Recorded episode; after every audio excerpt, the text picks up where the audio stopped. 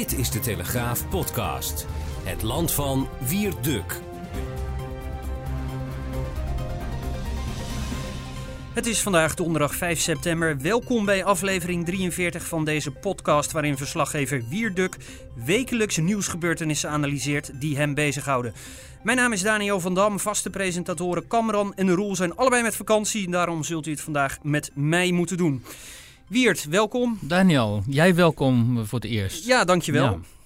Leuk dat je er bent. Dankjewel. Laten we er wat moois van gaan maken. We, hebben, we gaan het hebben over jouw interview met twee twintigers die over hele ingewikkelde politieke onderwerpen uh, uh, schrijven. Ja, dat uh, staat vandaag in de krantengebroeders Zommer.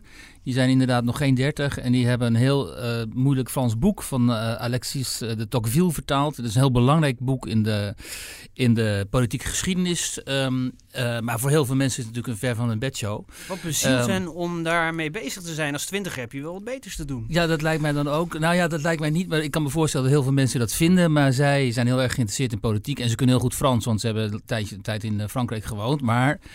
En hun vader, Martin Sommer, is ook een groot fan van uh, de Tocqueville. Dus het zit een beetje in die familie. En uiteindelijk hebben ze dus een enorme pil uh, vertaald. Die heel belangrijk is, omdat uh, die Tocqueville, daar gaan we het zo meteen over hebben eigenlijk de politieke geestelijk vader is van een aantal, uh, heel veel politici uh, wereldwijd, maar ook, of in het Westen vooral, maar ook van bijvoorbeeld Mark Rutte en Sibrand Buma en Thierry Baudet. Dus daar kunnen we het zo meteen wel over hebben. Hoe dan en hoe zit het dan en welke rol heeft deze man nou precies in de politieke geschiedenis gespeeld? Ja, en we gaan het vandaag ook hebben over een interview dat wij met Erik Akerboom hebben gehad. Vandaag in de krant pleit hij ook voor de snelle invoering van de taser ja. en natuurlijk ook de trouwstoet terreur. Het houdt uh, menig een uh, heel druk uh, bezig. Ja, dat interview was van, van jou hè, en verslaggever collega Mick van Wely.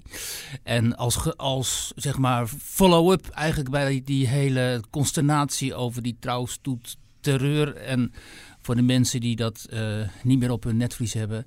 Dat was het schokkende beeld van die agent in Rotterdam. Die werd neergeslagen toen hij wilde optreden tegen een overlast veroorzakende laten we zeggen, allochtone bruidstoet, die we steeds vaker in de grote steden zien op, uh, opduiken. En deze man die werd dus bewusteloos geslagen. En nou ja, de ophef daarvan, daarover was enorm groot. Daar hebben wij in de krant ook veel over geschreven, jij vooral. En ik heb er een commentaartje over mogen schrijven. Ja, maar eerst dus de twee twintigers die uh, ja, druk bezig zijn met een uh, Franse filosoof, politicoloog, Tocqueville. Ja. In het stuk schrijven ze dat er heel veel parallellen zijn tussen 1800 en de situatie nu. Wat zijn die overeenkomsten? Nou ja, wat zij doen is, wat zij zeggen is dat dat boek, hè, dat gaat over het Ancien Regime en de Franse Revolutie. Of um, uh, ja, dus wat, dat, het Ancien Regime is het, uh, zeg maar het feodale regime voordat uh, de Franse Revolutie kwam, die dat, die hele wereld eigenlijk weg vaagde. En wat zij constateren is dat uh, dat boek wat hij Tocqueville heeft geschreven, die, die, een edelman was en een intellectueel verder en een landgoed in Normandië had. Op dat landgoed wordt overigens sinds kort uh, elk jaar een grote conferentie gehouden waar we ook bij mochten zijn. Um, wat zij zeggen is, um, eigenlijk zie je parallellen in die tijd die voorafging aan uh, die Franse revolutie en nu. En als je die tijd goed bekijkt, en dat is wat uh, Tocqueville heeft gedaan, dan zou je dit boek wel kunnen lezen als een soort handleiding voor uh, populisten. Omdat populisten, hè, die maken ook gebruik van onvrede onder de bevolking en wakkeren dat vuurtje natuurlijk ook aan. En die onvrede is vaak ook helemaal niet onterecht natuurlijk. En die, diezelfde onvrede wordt vaak door de elites enorm over het hoofd uh, gezien.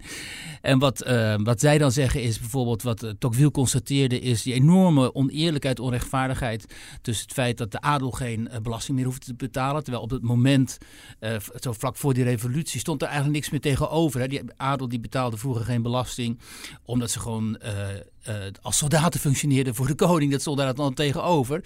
Maar dat was destijds niet meer zo. Dus die, die, die boerenstand en die burgerij dachten... ja, hallo, die adel is gewoon vrijgesteld van verplichtingen... die wel op ons uh, neerkomen. Wat ze ook constateren, of wat Tocqueville constateren, is heel interessant... is dat uh, de dorpen leegliepen naar de steden. Dus de dorpen... Hè, het is precies wat je nu in Frankrijk ook ziet.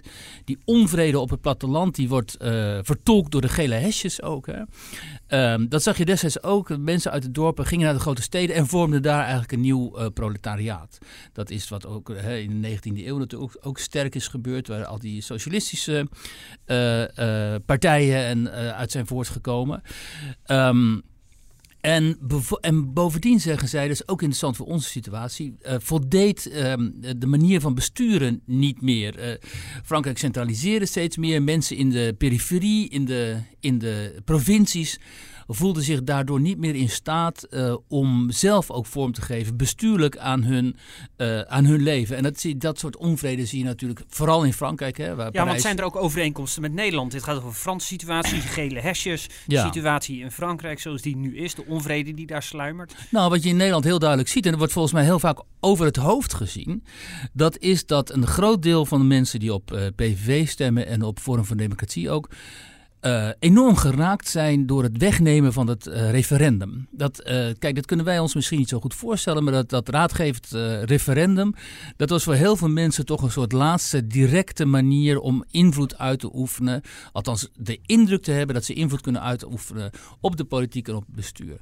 En dat, dat referendum hen is weggenomen, zo zien ze dat, door mevrouw Ollongren, de minister van Binnenlandse Zaken nu. Dat heeft enorm gestoken. Daardoor was ook die de kritiek op het quasi Democratiefestival afgelopen week, wat plaatsvond in Nijmegen, wat door Olongren was geïnitieerd. Hè, en eigenlijk zij werd het gezicht daarvan. Daardoor was de kritiek ook zo hilarisch, omdat deze mensen zeggen: ja, hallo. Jij staat voor het wegnemen, het afnemen van het referendum. Dus het ondemocratisering, ondemocratiseren van Nederland.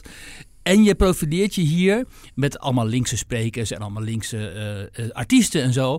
als de vertegenwoordiger van de Nederlandse democratie. Ja, dat leverde hoongelach op. Dat leverde natuurlijk heel veel hoongelach op. En er kwam ook niemand. Er was ook bijna niemand. Behalve die bussen met ambtenaren die zo ongeveer verplicht werden er naartoe te gaan. was er ook geen hond. En, zo, en precies dit, precies dit, hè. Um, zag je toen ook. Um, er is ook een hele interessante anekdote over Tocqueville. Dan is het inmiddels 1848. In 1848 was er weer een revolutie, een burgeropstand. En hij was uh, politicus en hij stond in de assemblée, dus in het Franse parlement. Um, en hij had kennelijk die binding met het volk niet verloren. En hij zegt: Voelen jullie dan niet dat we op een vulkaan staan? Weet je, de wind van de revolutie kan ik horen en voelen. En die mensen in het parlement hadden geen idee, waar heeft die man het over? En de dag erop of zo brak die revolutie af, die opstand daaruit in 48. En, en dit soort constateringen die hij maakt, die zijn dus heel, heel interessant, heel belangrijk. En precies, en dat geldt natuurlijk ook voor nu, omdat onze elite, zoals het tegenwoordig heet, die hebben ook totaal misgerekend hè, rond Trump en rond de Brexit. Hè, met... Maar aan de andere kant, Weert, uh, wat je ziet is dat er heel vaak een populistische revolutie is voorspeld. Bijvoorbeeld rond de Europese uh, verkiezingen. Ja. Maar dat uiteindelijk de absolute meerderheid dan vervolgens achterwege bleef. Ja, dat is zo. Ja. Kijk, die, uh, en, dat, en dat is ook heel interessant. ik, ik, ik, heb het al tien keer interessant gezegd, maar aan dit boek, en dat is wat die jongens van Sommer ook zeggen eigenlijk zeggen ze, veranderde er helemaal niet zoveel. Ook na die, het, het, is niet zo dat die Franse revolutie nou zo'n enorm schisma is geweest. Wat je juist ziet is dat uiteindelijk alle poppetjes veranderen. Maar die, maar, maar die samenleving en die ontwikkeling van die samenleving, die al honderden, duizenden jaren natuurlijk gaande was, die ging eigenlijk gestaag verder. Maar um, denk jij dat er een soort uh, Franse revolutiestijl ook nu in het moderne Europa zou kunnen ontstaan? Nou, mijn standpunt is dat we in een soort van pre-revolutionair stadium zitten, maar dat we dus in een soort revolte zitten. Dus niet dat er een revolutie gaat uitbreken of zo, maar dat, dat grote groepen van de, onze populaties aan het revolteren zijn. Door op die Brexit te stemmen, waardoor nu totale chaos is. Door op Trump te stemmen, door op massaal op een gegeven moment op Forum Democratie te stemmen. Eerder op Wilders in Duitsland, hè, zie je nu die AFD in die oostelijke deelstaten en zo. Dus er is, en nou ja, die gele hesjes die gaan al 40 weken of nog meer, jij bent daar zelf geweest in het begin, uh, meer dan 40 weken of zo zijn ze nu al telkens maar weer gaan ze die straat op. Dus het is een heel breed, ge, uh, breed gedeeld gevoel van onbehagen. Wat ik, wat ik in zekere zin uh, als een re revolte beschouw. Maar wat en, ik meer bedoel, ja, ik heb ook op de Champs-Élysées gestaan precies. tussen die gele hesjes. Je voelt de woede, je voelt de agressie, je ziet het geweld. Je voelt het sluimeren, ja. alleen dan bloedt het weer dood die uh -huh. hele opstand, zoals je zou kunnen zeggen. En, en dat patroon zie je wel uh, meer in Europa. Nou ja. Dus, dus, dus, dus ja, ja het, het bloeddood. Kijk, het bloeddood in die verkiezingen voor, die, uh, voor, die, voor het Europese parlement bijvoorbeeld. Hè, dat opeens Frans Timmermans dan in Nederland gaat winnen. En zo. Maar het bloed niet dood in, uh, in de, op, de, langere termijn, laat ik het zo zeggen. Als je ziet uh, hoe in Oost-Europa bijvoorbeeld, hè, want dat is ook een populistische, dat is op, een gegeven, op dit moment een populistische regio, laat ik het zo zeggen. Hoe in landen als Polen en Hongarije en elders heel duidelijk ook een in samenwerking met de, met de regeringen nu. Het volk revolteert tegen allerlei opdrachten vanuit Brussel. Hè, en zeggen van ja, de immigratie en zo, we doen er gewoon niet aan mee. We, doen, we weigeren om ons in hun ogen dan te onderwerpen aan die dictaten uit Brussel. Dat is echt dat gaat eigenlijk heel ver. Hè? Je ziet, en, en, dat is, um, uh, daar heerst een, een, een, daar broeit dus de hele tijd een conflict. Uh, in, in de Verenigde Staten is Trump gewoon president. Dus dat is, daar is die revolte is geslaagd. Je kunt er van alles van vinden. En net als in, het Verenigd Koninkrijk, je kunt van alles vinden van die chaos rond de brexit, maar die revolte vanuit de straat, zeg maar, die zich dan weer uit in het, uh, in het steunen van iemand als Trump, dan weer in een, in, misschien heel roekeloos besluit rond de brexit. Maar het heeft uiteindelijk wel uh, consequenties. En als in uh, Nederland het Forum voor Democratie niet zichzelf zo verschrikkelijk in de voet had geschoten, was dat nu de grootste partij geweest. En dat is natuurlijk binnen twee jaar. Ze verkloten het zelf. Ze verkloten het natuurlijk zelf, omdat en dat, dat, en dat, vinden die, dat zeggen die broers Sommer ook. Hè? Um, en dat zegt Tocqueville ook, die pleit voor gematigdheid. Uh, dit soort type revolutionairen, zeg maar, dat, daar, daar, die trekken, dat, dat zijn natuurlijk ook vaak rattenvangers en, en avonturiers. En mensen die voor hun eigen ego gaan en voor de macht. En als die met elkaar. Is dat uh, bij Vorm ook het geval, vind je? Ja, die ego's die hebben natuurlijk enorm met elkaar geclashed. Want uh, zowel Baudet als uh, Henk Otte hebben een enorm ego. Dus het eigen belang boven het langsbelang zou je kunnen zeggen?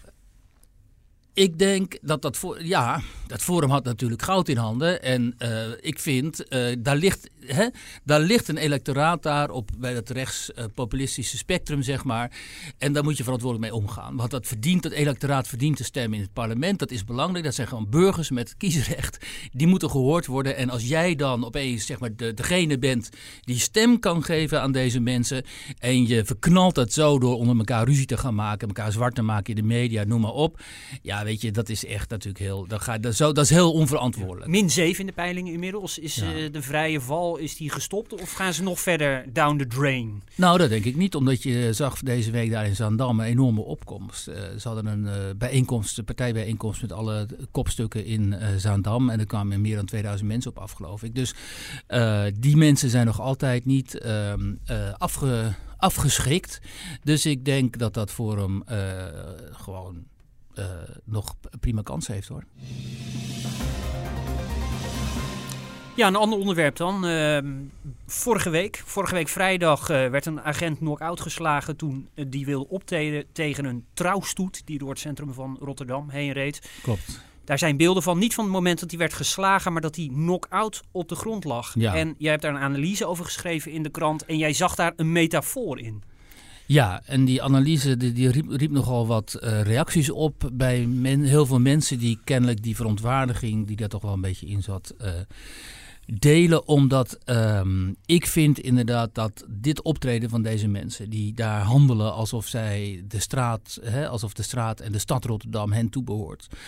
Uh, dat vind ik um, symbolisch voor wat er gaande is, vooral in de grote steden. Omdat uh, de week daarvoor hadden we dat uitgebreide rapport over die ondermijning door de, uh, door de misdaad in Amsterdam. En als je met mensen spreekt die verstand hebben van, van zeg maar demografie en van uh, misdaadstatistieken en van ontwikkelingen in de allochtone gemeenschappen ook, dan zie je dat dat heel veel samenkomt. Dus dat je grote delen van, hè, lang niet alle, maar grote delen van de allochtone gemeenschappen in de grote steden, die zijn volledig onthecht geraakt van de Nederlandse samenleving. Die wonen hier wel, maar hebben verder helemaal geen loyaliteit met Nederland eigenlijk. Hè. Die gebruiken Nederland om, om hun leven te leiden, maar hun loyaliteit ligt bij hun uh, land van herkomst. Hebben daardoor ook helemaal geen, geen, um, geen uh, respect voor het uh, gezag. Wat je ziet als je een agent knock-out slaat, nou dat gaat nogal ver. En een deel van hen, uh, van hun jongeren, verdwijnt ofwel in de criminaliteit. En dat is in Nederland heel aantrekkelijk als, als allochtone jongeren in de criminaliteit verdwijnen. Want binnen de kortste keren ben je schatrijk en je hoeft nauwelijks iets te vrezen. Of ze verdwijnen in het radicalisme, dus in de, in de jihad en reizen uit naar Syrië en uh, raken uh, geradicaliseerd uh, binnen de islam.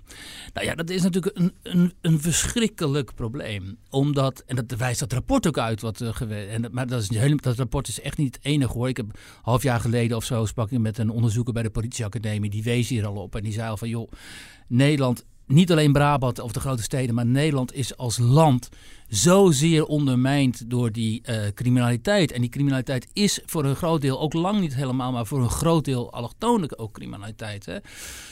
Um, en daar moet de politiek echt mee aan de slag. Hij stelde voor omdat dat het parlement dan een uh, enquête zou moeten uh, gaan initiëren. Nou, dat lijkt mij ook een heel goed idee.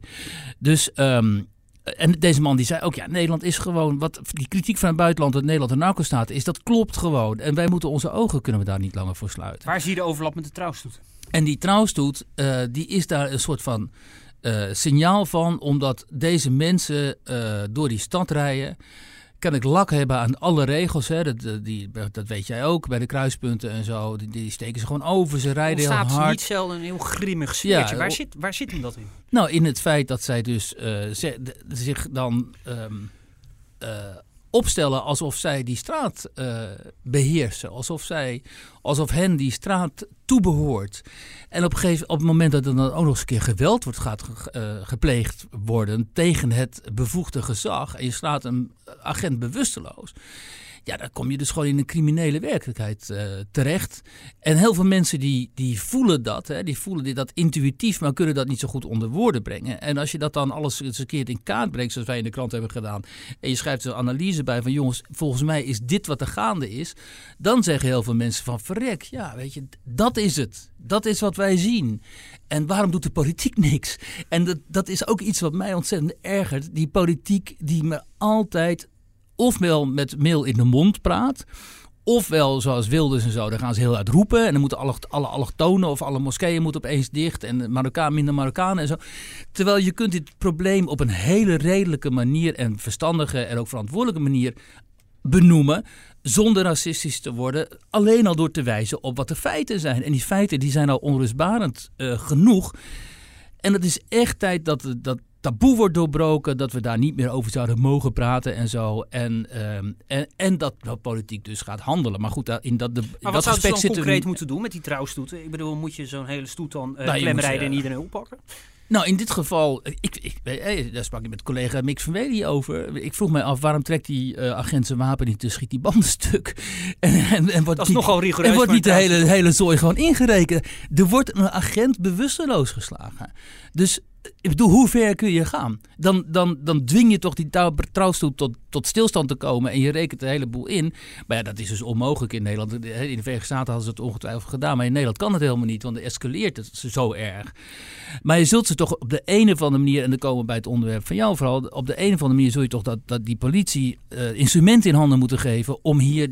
Hè, daadkrachtiger tegen op te kunnen treden dan alleen maar het, het kenteken opschrijven van auto's die je voor je ogen, want dat gebeurt. Ja, ik denk dat in geval dat een agent die in zijn eentje is op dit moment, op dat moment niet heel veel anders had kunnen doen natuurlijk tegen een overmacht aan, aan, aan mensen. Maar... Klopt, maar als hij een taser had gehad, en daar gaan we het over hebben, um, had hij ongetwijfeld meer kunnen doen. Of misschien meer kunnen doen, dat, uh, dat weet ik niet. Ja. Maar dat weet jij, want je hebt uh, geïnterviewd samen ja, met uh, samen Mick. met Mick van Welen inderdaad. gisteren zijn we naar Haag gegaan en hebben hem gesproken inderdaad. Ja. Hij, ja, hij ergert zich kapot aan het tasergetreuzel, zoals we het wel uh, kunnen noemen inmiddels. Er wordt al twee jaar over gepraat. Oké, okay, we hebben nou en... trouwstoet, terreur en tasergetreuzel, oké? Okay. Ja, en hij is het spuugzat. En hij ja. vindt dat de politiek nu moet gaan leveren. Want elke keer als je dan, als er weer een geweldsincident uh, is, dan gaan die Kamerleden natuurlijk in een soort modus. Je weet al wat ze gaan zeggen, dat ze het verschrikkelijk geschokt. is. Ze zijn geschokt.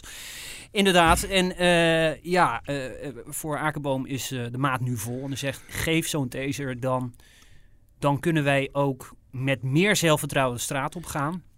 Tegelijkertijd, en dat is wel opvallend wat hij zei, is dat hij niet verwacht dat het aantal geweldsincidenten daarmee dus ook vervolgens drastisch zullen gaan dalen. Uh, ik lees ook dat hij zegt dat hij echt geschrokken is door de, de toename van dit soort incidenten. Nou ja, wat hij meldt, en dat, dat vond ik ook wel heel opvallend in het gesprek, is dat hij echt een mentaliteitsverandering ziet ten opzichte van tien jaar geleden. En dat is toch best dat wel heftig ja. om te beseffen dat, dat kennelijk in tien jaar tijd een sfeer op straat grimmiger kan worden. Dat agenten dat in ieder geval zo ervaren ieder uur een geweldsincident tegen een agent, uh, vertelde hij. Uh, ja, ga er maar aan staan dat je zelf als diender voor uh, een, een 2000 netto per maand en met misschien wat toeslagen valt dat wat hoger ja. uit. ja, elke dag mogelijk wel het risico loopt om in elkaar geslagen te worden, beschimpt uitgescholden. Eh, dat is schokkend. En daarom is het denk ik ook zo belangrijk dat Grapperhaus nu over de brug komt. Maar het probleem speelt denk ik ook veel breder is dat rechters ook consequent zwaardere straffen opleggen. Uh, en, uh, zouden moeten leggen. Zouden moeten mhm. leggen. De, de, het voornemen bij het Openbaar Ministerie om zwaarder, met zwaardere strafeisen te komen, dat is er wel. Mhm. Maar je ziet ook wel dat rechters bijvoorbeeld geen celstraf opleggen, omdat de gevolgen voor de verdachte dan enorm groot zijn, omdat hij dan zijn baan zou verliezen. Ja, en daardoor met een taakstraf uh, wegkomt. Ja, maar heeft hij ook een sociologische verklaring hiervoor? Hoe komt het dat in tien jaar tijd die sfeer zo drastisch verandert en die agressiviteit zo toeneemt? Die analyse heeft hij niet met ons gedeeld uh, gisteren. Ja, dat zijn natuurlijk uh, meerdere redenen voor te bedenken. Natuurlijk het totaal op hol geslagen individualisme dat mhm. mensen zich gewoon simpelweg niet meer laten corrigeren. Mhm.